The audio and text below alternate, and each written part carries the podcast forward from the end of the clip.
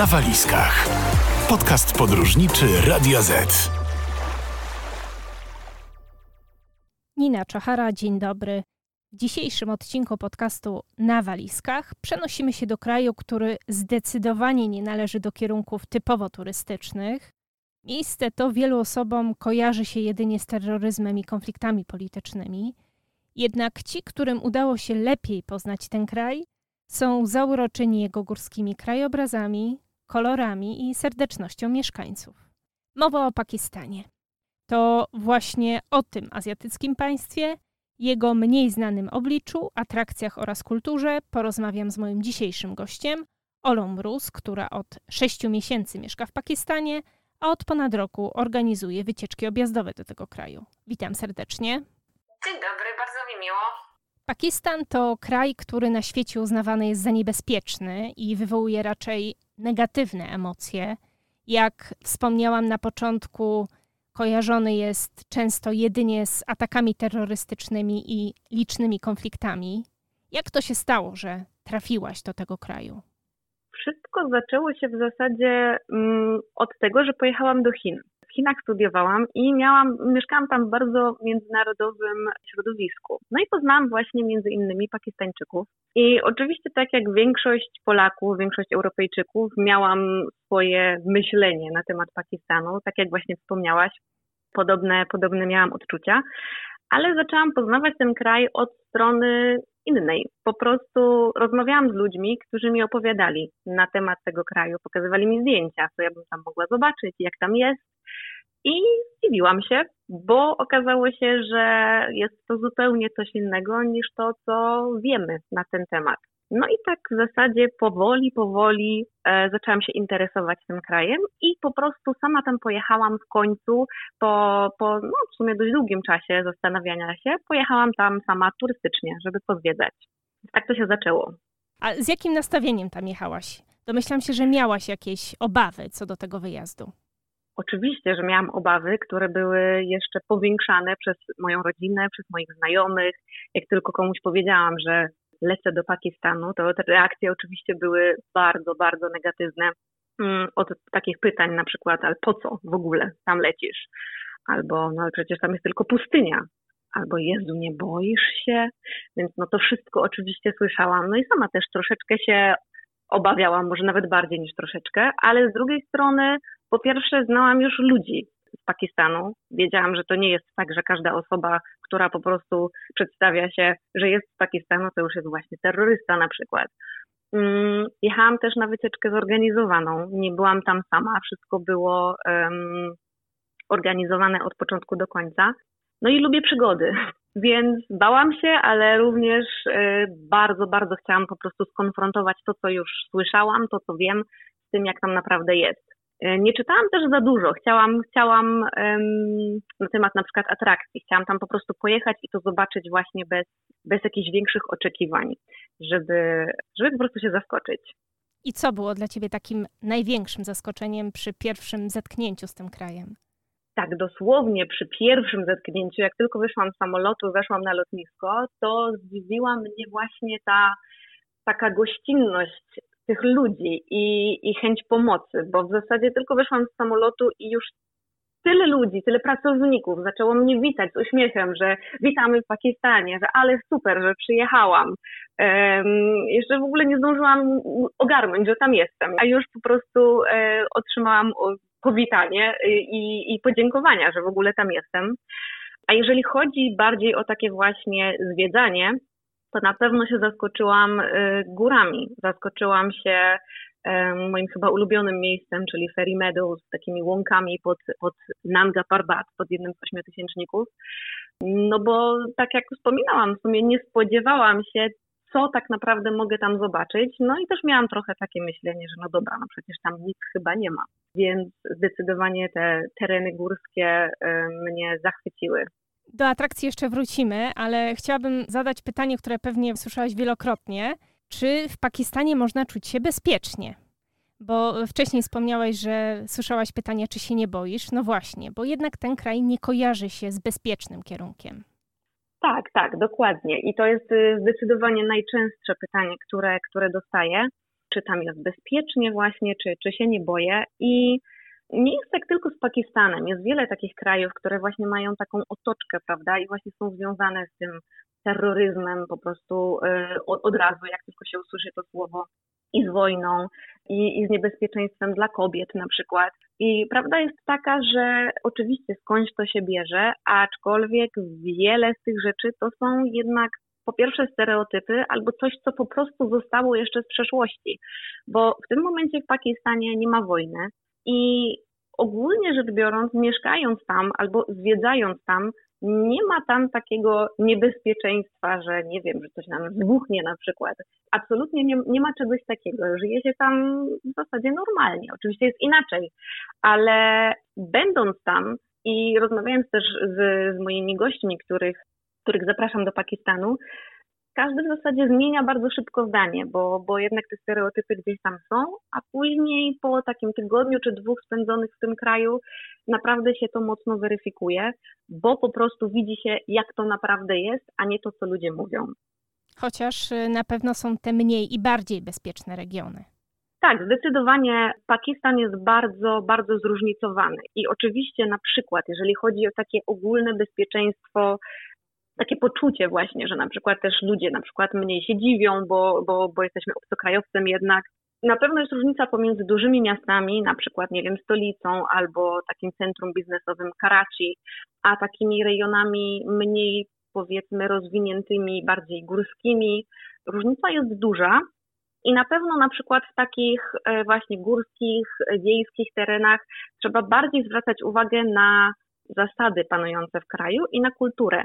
I to w zasadzie jest bardzo ważne moim zdaniem, żeby po prostu szanować kulturę danego kraju, bo gdziekolwiek nie jedziemy, zawsze jesteśmy gośćmi i powinniśmy po prostu e, szanować zasady, które tam panują. I jeżeli to robimy, to w zasadzie wszystko powinno pójść ok. Obecnie w Pakistanie chyba nie jest bezpiecznie z innego powodu. Chodzi mi tutaj o te powodzie, które nawiedziły kraj. Tydzień temu wróciłaś do Polski, e, ale tak, wcześniej byłaś jeszcze w Pakistanie. Jak tam obecnie wygląda sytuacja? Jeżeli chodzi o powodzie, to niestety sytuacja jest dosyć, dosyć poważna. E, naprawdę bardzo duży, duża liczba osób została dotknięta w jakiś sposób, czy pozbawiona właśnie mieszkań, czy no niestety są też ofiary śmiertelne. I um, powodzie w Pakistanie naprawdę ogarnęły dużą, dużą część kraju. I ja, ja, jak jeszcze tam byłam ten tydzień temu, to jeszcze sytuacja nie była tak poważna. W zasadzie wszystko się zaczęło właśnie jak ja już byłam w Polsce. I szczerze mówiąc, no, jestem naprawdę um, mocno zasmucona tą sytuacją, bo, bo jest naprawdę poważna. Zresztą i inne kraje właśnie już zaczęły zbierać fundusze i, i pomagać Pakistanowi, bo sytuacja jest dosyć poważna, przez to, że też jest właśnie sezon monsunowy i, i faktycznie pada, pada bardzo. Czyli rozumiem, mhm. że ten sezon, kiedy jest nasze lato, to tam jest pora monsunowa, kiedy lepiej e, nie planować podróży. Sezon monsunowy najbardziej jakby opiera się, znaczy skupia się na, na południowych częściach kraju i dlatego właśnie ten sezon letni jest dobry, żeby pojechać sobie na północ Pakistanu bo tam w zasadzie wtedy aż tak nie pada. Normalnie tak nie jest, bo teraz te powodzie to też nie jest coś, co jest po prostu normalną sytuacją. Jest to na pewno spowodowane globalnym ociepleniem, tym, że tam są lodowce, one się po prostu też stopią i po prostu ta sytuacja w Pakistanie jakby tak bardzo właśnie pokazuje to, co się dzieje na świecie z klimatem. A normalnie i ogólnie rzecz ujmując, właśnie ten sezon taki od, od maja do października to jest dobry sezon, żeby sobie pojechać właśnie na północ Pakistanu, zwiedzić góry, bo tam wtedy właśnie jest przyjemnie. Nie, nie ma jeszcze bardzo zimno, a też te deszcze właśnie raczej skupiają się troszeczkę niżej e, na terenach południowych i środkowych. Chciałabym teraz wrócić do Twojej historii. Mieszkasz w Pakistanie od marca 2022 roku, a od y, zeszłego roku regularnie tam wyjeżdżasz. Czym dokładnie zajmujesz się na miejscu? Ogólnie rzecz ujmując, mieszkam tak, mieszkam w Pakistanie i właśnie zajmuję się organizowaniem wycieczek dla obcokrajowców, a przede wszystkim dla Polaków do, do właśnie Pakistanu. Zaczęło się to w zasadzie tak, że właśnie po tym, jak sama tam pojechałam i zachwyciłam się tym, jak tam jest, stwierdziłam, że no w sumie Potem jak wróciłam, no ciągle musiałam opowiadać o tym, że no to nie jest tak, jak się o tym mówi, że to nie jest tak niebezpiecznie, że tam nikt, że to nie jest tak, że tam nic nie ma, że tam jest tyle do zobaczenia, a nikt o tym nie wie. No i właśnie wtedy wpadłam na pomysł, że może zaczęłabym pokazywać to ludziom, a nie tylko o tym mówić. Miałam, miałam ku temu też okazję, poznałam ludzi w Pakistanie, Pakistańczyków, dwóch, którymi po prostu zaczęliśmy o tym myśleć, kombinować i po prostu założyliśmy e, biuro podróży lokalno-polskie, e, więc jestem ja i dwóch Pakistańczyków. I zaczęliśmy właśnie organizować takie wycieczki objazdowe, mm, dwutygodniowe najczęściej po Pakistanie. W sezonie letnim właśnie bardziej po północy Pakistanu, a później na zimę bardziej na południe i środkowy Pakistan, e, żeby też nie było ani za gorąco, ani za zimno. Jakie atrakcje promujecie w ramach takich wycieczek? Wspomniałeś wcześniej o Nanga Parbat. Co jeszcze warto tam zobaczyć? No więc tak, właśnie zaczynając przede wszystkim od tej północy górskiej, gdzie w zasadzie znajdują się trzy najwyższe łańcuchy górskie świata, bo tam jest i Karakorum, i Himalaje, i Hindukusz. Jest tam też nawet trójstyk tych trzech łańcuchów, to, to też właśnie zawsze oglądamy. Warto zobaczyć na pewno Dolinę Hunzy, która leży właśnie pomiędzy szczytami Karakorum, która kiedyś, dawno, dawno jeszcze przed Pakistanem była niepodległym królestwem jest tam też mnóstwo buddystycznych skarbów, zresztą tak jak w innych częściach Pakistanu, bo, bo Pakistan też był bardzo ważnym punktem na trasie jedwabnego szlaku, gdzie, gdzie właśnie pojawiało się mnóstwo e, mnichów buddyjskich. Pakistan jest w zasadzie bardzo, bardzo zróżnicowany, więc oprócz tej e, górskiej części można też zobaczyć na przykład mm, Dolinę Kalaszy, która bardzo, bardzo różni się od takiego typowego Pakistanu, bo zamieszkują ją Podobno e, potomkowie żołnierzy Aleksandra Wielkiego. I to nie są już muzułmanie, mają swoją własną religię, mają swoją własną kulturę, swoje własne kolorowe, taneczne festiwale, co warto właśnie zobaczyć. To w zasadzie też jest na północy kraju, ale jeżeli chodzi o południe, to tam już oczywiście mniej, mniej gór jest, natomiast y, można też zobaczyć wiele starożytnych, historycznych miejsc, jak na przykład Mohenjo-Daro, czyli taka osada protomiejska w zasadzie XXVI wieku przed naszą erą, więc i takie historyczne punkty, jest ich mnóstwo w Pakistanie, mimo tego, że one jeszcze tam były przed Pakistanem, bo Pakistan jest młodym krajem i właśnie te góry. Jest też morze. Jeżeli jesteśmy na południu w Karachi, można też właśnie zobaczyć plażę, zobaczyć morze Oprócz tego jest też na przykład bardzo takie zmiksowane miasto, takie powiedzmy sobie typowe, takie chaotyczne e, miasto Lahore. To jest taka kulturowa stolica i serce Pakistanu, gdzie jest właśnie pomieszana cała ta kultura, bo jest i architektura z czasów wielkich Mogołów, gdzie to było państwo islamskie jeszcze sprzed Pakistanu, gdzie jest miks takiego kolonializmu też brytyjskiego i w sumie jest bardzo dużo takich budynków europejskich. Wygląda to tak, że czasem no, nie wiadomo, gdzie się jest nagle. Jest też trochę wpływu z Indii, bo to już jest miasto w zasadzie na granicy z Indiami, gdzie o, swoją drogą jest też granica, właśnie przejście graniczne z Indiami, które jest jedyne w swoim rodzaju. Codziennie jest tam um, ceremonia zniesienia flagi. Jest to coś naprawdę niesamowitego do zobaczenia. To jest granica, na której można usiąść z popcornem i oglądać przedstawienie. Więc no mogłabym wymieniać bez końca, ale jeden raz, takie dwa tygodnie w Pakistanie to na pewno nie jest wystarczająco, żeby zobaczyć wszystko, co, co ten kraj oferuje. Wyczytałam też, że jako jedną z atrakcji Pakistanu uznaje się zwiedzanie miejscowości, tutaj przeczytam Abbottabada, gdzie ukrywał się Osama Bin Laden. Rzeczywiście turyści pytają o to miejsce?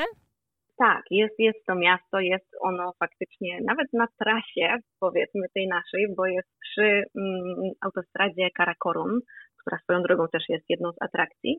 Zdarza się, że, że ktoś się o to pyta, ale w zasadzie niezbyt często.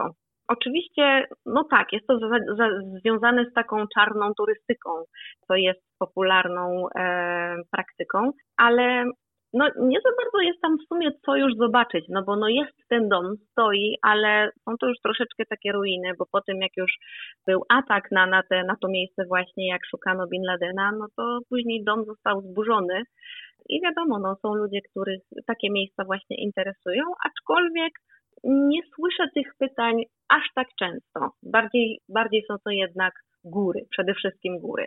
Więc wydaje mi się, że podejście do Pakistanu też się y, zmienia i skupiamy się na czym innym. Z atrakcji przejdziemy do kuchni. Czym wyróżnia się kuchnia Pakistanu i czego Twoim zdaniem warto spróbować? Kuchnia Pakistanu jest wspaniała i naprawdę można tam spróbować wiele. Jest też całkiem duże pole do popisu dla, dla wegetarian na przykład, jeżeli ktoś nie je mięsa, ale tylko w niektórych rejonach Pakistanu. No i tak zaczynając ogólniej może, na pewno takim daniem typowym jest biryani czyli takie danie z ryżu, z ryżu basmati, który jest też takim właśnie typowym ryżem Pakistanu, jest bardzo długi, kurczaka i z przypraw. No i najważniejsze są oczywiście te przyprawy, czyli właśnie garam masala, szafran, anysz, kolendra, kardamon, kurkuma, cynamon, więc mm, na pewno kuchnia pakistańska wyróżnia się właśnie tym takim intensywnym smakiem i przyprawami. Jest też dosyć ostra, ale oczywiście można też znaleźć delikatniejsze potrawy. E, oprócz tego jest, jest dużo dań mięsnych, na przykład kebaby, tylko że kebaby to nie są takie kebaby jak, jak mamy w Polsce, tylko na przykład bardziej takie grillowane mięso w przyprawach na patyku jak szaszłyk i to jest na przykład kebab, albo mielone mięso z przyprawami smażone na głębokim oleju, chapli kebab, bardzo, bardzo popularna rzecz. Dużo się też je na przykład danie z soczewicy, z cieciorki, z takich właśnie warzyw strączkowych, takie jakby gulasze, w takich sosikach. E, do tego się często je właśnie albo ten ryż, albo chlebki, takie płaskie chlebki roti albo nan. No I to jest w zasadzie coś, co jest bardzo, bardzo e, popularne i w zasadzie wszędzie, wszędzie można to dostać. Bardzo ważnym elementem kuchni jest też czaj, czyli herbata, czarna herbata, z mlekiem, gotowana długo y, i z cukrem. Jest to bardzo słodkie, bardzo takie gęste, taka mięsista jest ta herbata i w zasadzie jest bardziej jak taki deser, ale no jest naprawdę ważnym elementem kultury i, i pije się ją w zasadzie ciągle i zawsze. A czy w Pakistanie znajdziemy też dobrą czarną kawę? Kawa jest niestety problematyczna i da się ją znaleźć, ale nie jest to typowy napój w Pakistanie i raczej wszyscy to jest właśnie taka powiedzmy sobie wojna, jak właśnie ja mówię, że najbardziej lubię kawę i szukam kawy, no to wszyscy się oburzają, że no przecież czaj jest najlepszy, więc y, jest tutaj ta różnica duża. Oczywiście można znaleźć kawę, ale to raczej w takich właśnie mm, kawiarniach sieciowych typu Starbucks. Jest ich dosyć dużo, są dosyć drogie, takie ceny są naprawdę europejskie, więc no nie jest to element taki typowy dla Pakistanu, niestety dla mnie. Słuchasz podcastu podróżniczego Radia Z. Teraz chciałabym zebrać nieco informacji praktycznych dla tych, którzy zachęceni wszystkim tym, co powiedziałaś o Pakistanie, chcieliby zaplanować podróż. Na początek, jakie dokumenty są potrzebne i o czym trzeba pamiętać przed wyjazdem? Ogólnie potrzebny jest oczywiście paszport, który jest ważny co najmniej 6 miesięcy oraz wiza. I wiza nie jest aż tak problematyczna, ponieważ jest to wiza online, więc o wszystko się aplikuje przez internet, nie trzeba nigdzie chodzić, e, nic wysyłać, nic papierowego. Aplikuje się o wizę albo turystyczną, albo wizę on arrival, czyli po prostu dostajemy taki dokument, w zasadzie chwilę po aplikacji już się dostaje dokument, który nas uprawnia do otrzymania wizy na granicy. Ważne jest posiadanie kilku dokumentów, ale są to raczej dokumenty, które zapewnia właśnie na przykład biuro podróży, czyli my te wszystkie dokumenty po prostu wysyłamy. Na przykład licencja biura podróży jest potrzebna właśnie, żeby, żeby zaaplikować. Zaproszenie wizowe to jest najważniejsza rzecz. Więc oczywiście ja takie zaproszenie wystawiam i wtedy nie ma absolutnie żadnego problemu. Oprócz tego trzeba mieć takie mm, rzeczy jak, jak wszędzie, czyli ubezpieczenie podróżne, i w zasadzie to tyle, więc tylko wiza, paszport, ubezpieczenie i w zasadzie można jechać. A jak najłatwiej dostać się do Pakistanu i jakie koszty się z tym wiążą? Połączenia nie ma niestety lotniczego bezpośredniego. Najczęściej jest to lot z przesiadką w Abu Dhabi, albo w Dubaju, albo w Katarze gdzieś jeszcze. W Stambule też są przesiadki bardzo często. E, linie lotnicze, które oferują y, właśnie loty do Pakistanu. Najczęściej jest to Fly Dubai w połączeniu z na przykład pakistańskimi liniami albo Katar. Turkish Airlines, więc jest tych, jest tych połączeń dość, dość dużo. Cena mniej więcej, taka dobra cena na teraz za lot w dwie strony to jest 3000 zł. E, no ale oczywiście można je znaleźć drożej. E, ale 3000 to jest taka fajna, dobra cena na ten moment. A co z cenami na miejscu, jeśli chodzi chociażby o jedzenie czy noclegi? A to jest też ciekawy temat, bo właśnie wielu ludziom wydaje się, że Pakistan powinien być bardzo, bardzo tani, bo to przecież Pakistan, ale niestety ceny, ceny też idą tam w górę. Mm, paliwo podrożało w zasadzie dwukrotnie w przeciągu tych paru miesięcy, jak tam byłam teraz i ceny są dosyć, dosyć wysokie, jak właśnie na to, co, co nam się wydaje. Jeżeli chodzi o na przykład nocleg w hotelu, to taki typowy hotel gdzieś powiedzmy na przykład właśnie w Islamabadzie będzie kosztował nas około 100 zł za noc. W rejonach górskich w zasadzie może być nawet drożej, bo jeżeli jest to miejsce takie mocno turystyczne, gdzieś tam z widokiem na szczyty Karakorum, no to y, może być nawet więcej. E, jeżeli chodzi o jedzenie, jest ciągle oczywiście taniej niż w Polsce, aczkolwiek no, jak się idzie na takie typowe zakupy spożywcze i się wychodzi z dwoma siatami, takie normalne zakupy, no to na pewno tam gdzieś te dwie stówki już nie są nasze. Więc um, nie jest aż tak tanio, jak mogłoby się wydawać. A jeśli chodzi o samą ofertę noclegową, to domyślam się, że jest e, raczej skromna tak naprawdę nie jest aż tak źle. Szczególnie w tych rejonach turystycznych, które tak naprawdę no, faktycznie skupiają się raczej na turystach z Pakistanu, a nie na obcokrajowcach. Dlatego czasem no, można się na przykład zdziwić właśnie tym, że nie wiem, toaleta na przykład nie jest taka, jak nam się wydaje, że powinna być. Albo że prysznic jest na przykład, nie jest oddzielony od reszty łazienki bo, bo woda leci po prostu na wszystko i prysznic jest po prostu wczepiony w ścianę aczkolwiek jest całkiem duży wybór i mm, znowu wydawać by się mogło, że tak nie jest, aczkolwiek turystyka właśnie taka lokalna w Pakistanie kwitnie coraz bardziej. Zresztą ogólnie bardzo się to zmieniło i, i właśnie turystyka w Pakistanie się rozwinęła bardzo, bardzo, bardzo w przeciągu ostatnich kilku lat. A jeśli chodzi o przemieszczanie się po Pakistanie, to jak najlepiej, jak najbezpieczniej się poruszać po tym kraju?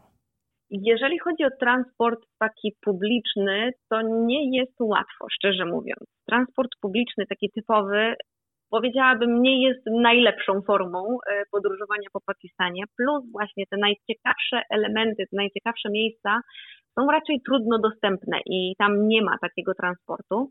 W związku z tym, jeżeli jest się tam samemu, warto na przykład wynająć samochód, najlepiej z kierowcą, bo tam też jest ruch lewostronny. Zasady na ulicy są też trochę inne. Czasem ma się wrażenie, że, że ich nie ma po prostu, więc warto. A moim zdaniem najlepiej jest właśnie podróżować po prostu w grupie i wtedy, no oczywiście jest to też wynajęty samochód, jest to busik e, z kierowcą, doświadczonym górskim kierowcą z tamtych rejonów, to jest też bardzo ważne. I, I wtedy jest po prostu najwygodniej, bo można dojechać wszędzie gdzie się chce. Plus w wielu rejonach trzeba się przesiąść na napęd czterokołowy do jeepów, bo jest wiele miejsc właśnie takich, gdzie normalny samochód e, nie dojedzie, nie ma takiej możliwości. Czy w czasie takich wycieczek jeździ również swego rodzaju ochroniarz, czy to jakieś stereotypowe wyobrażenie?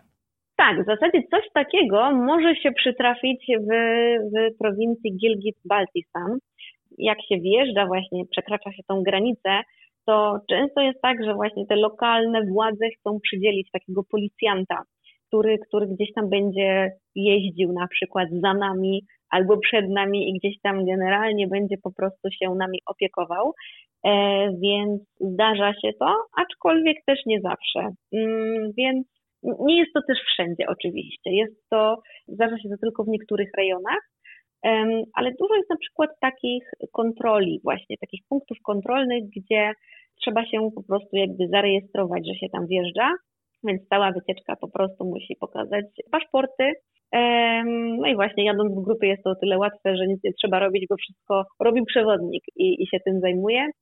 Trzeba pokazać paszporty i później przy wyjeździe sprawdza się to jeszcze raz, czy, czy, czy wszystko jest po prostu w porządku, czy, czy nikt się nie zgubił po drodze, I to jest przy wjeździe do jakichś miasteczek, tak? Dobrze rozumiem? E, raczej przy wjeździe do prowincji, czyli jak właśnie zmieniamy na przykład, wyjeżdżamy z Punjabu i wjeżdżamy do KPK, do innej prowincji, albo właśnie do Gilgit-Baltistanu, jest tam kilka tych prowincji, więc zazwyczaj jest to w takich punktach strategicznych. Nie, nie przy wjeździe na pewno do każdego miasteczka, no bo byłoby też tego e, za dużo oczywiście.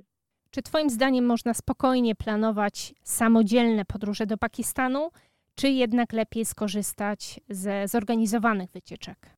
Oczywiście da się podróżować samodzielnie i, i są ludzie, znam, znam i, i kobiety, i mężczyźni w zasadzie, którzy, którzy podróżują e, po Pakistanie sami, aczkolwiek mm, nie powiedziałabym, że, na, że Pakistan należy do krajów, w których jest to łatwe. Właśnie chociażby ze względu na te wszystkie punkty kontrolne, gdzie tu trzeba coś załatwić, tu trzeba gdzieś się zarejestrować, coś pokazać, coś mieć, więc chociażby z tego względu myślę, że warto właśnie pojechać w grupie zorganizowanej, żeby się nie przejmować tymi wszystkimi rzeczami.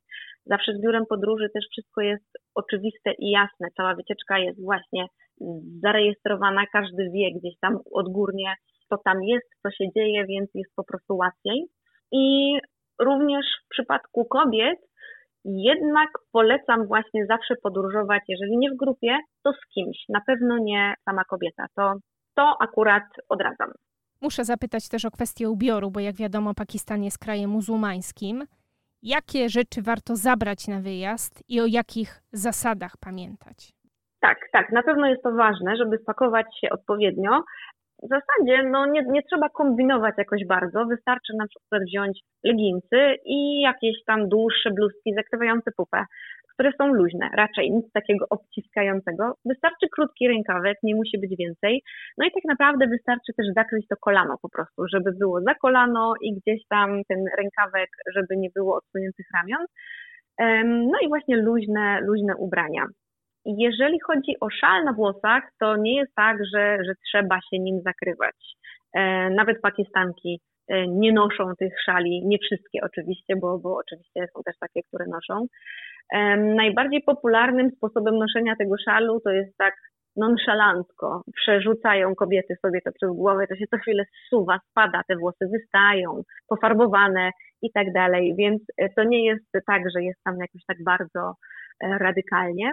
Na pewno szalik trzeba ze sobą mieć jako kobieta, żeby zwiedzać po prostu meczety, które, które oczywiście zwiedzamy. No to zresztą tak jak w kościołach też trzeba się ubrać odpowiednio, żeby, odpowiednio, żeby tam wejść. No to trzeba właśnie w meczecie zasłonić głowę jako kobieta.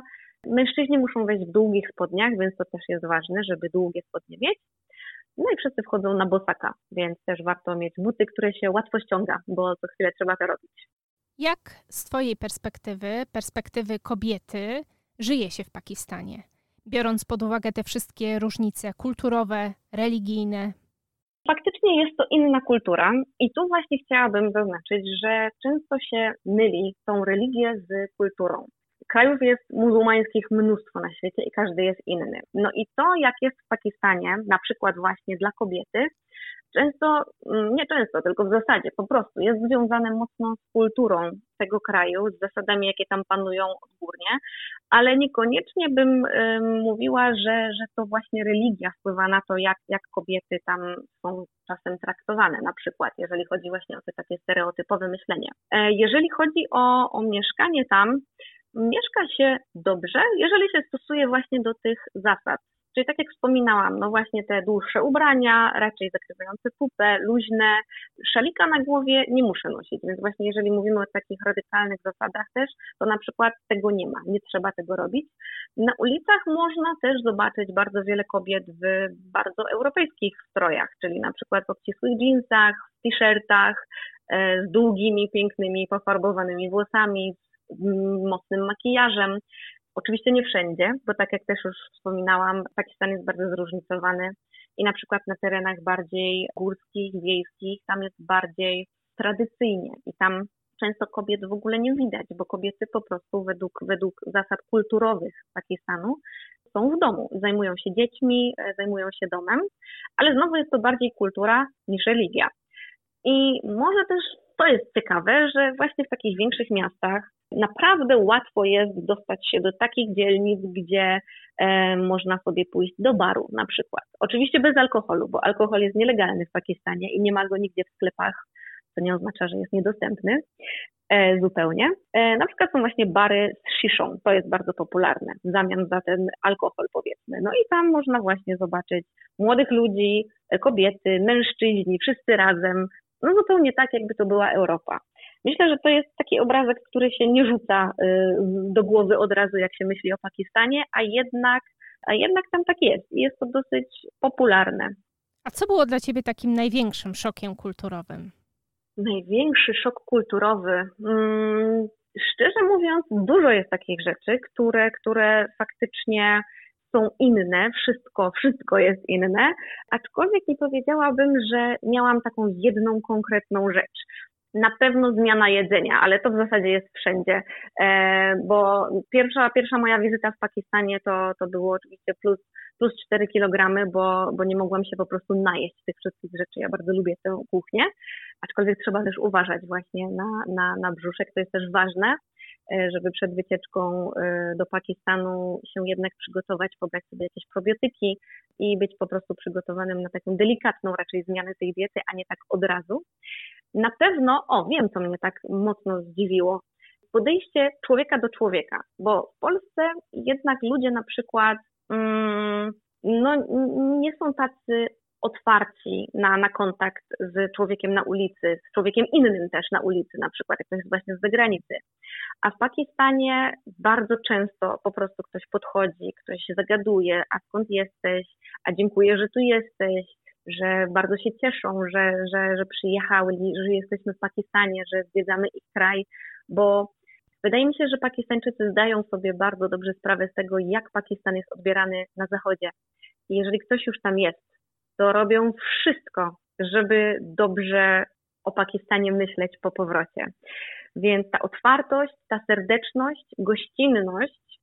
Nigdy nie zdarzyło mi się, żeby obcy człowiek zapraszał mnie do siebie do domu na herbatę czy na obiad, a w Pakistanie zdarza się to ciągle.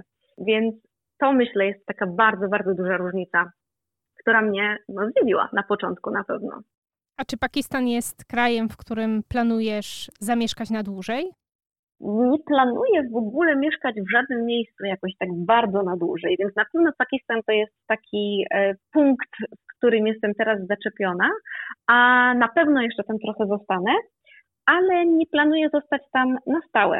Ale też nie wiem, gdzie, gdzie bym pojechała dalej, więc wszystko jest jeszcze otwarte. A kiedy planujesz kolejną podróż do Pakistanu? Bo teraz jesteś w Polsce.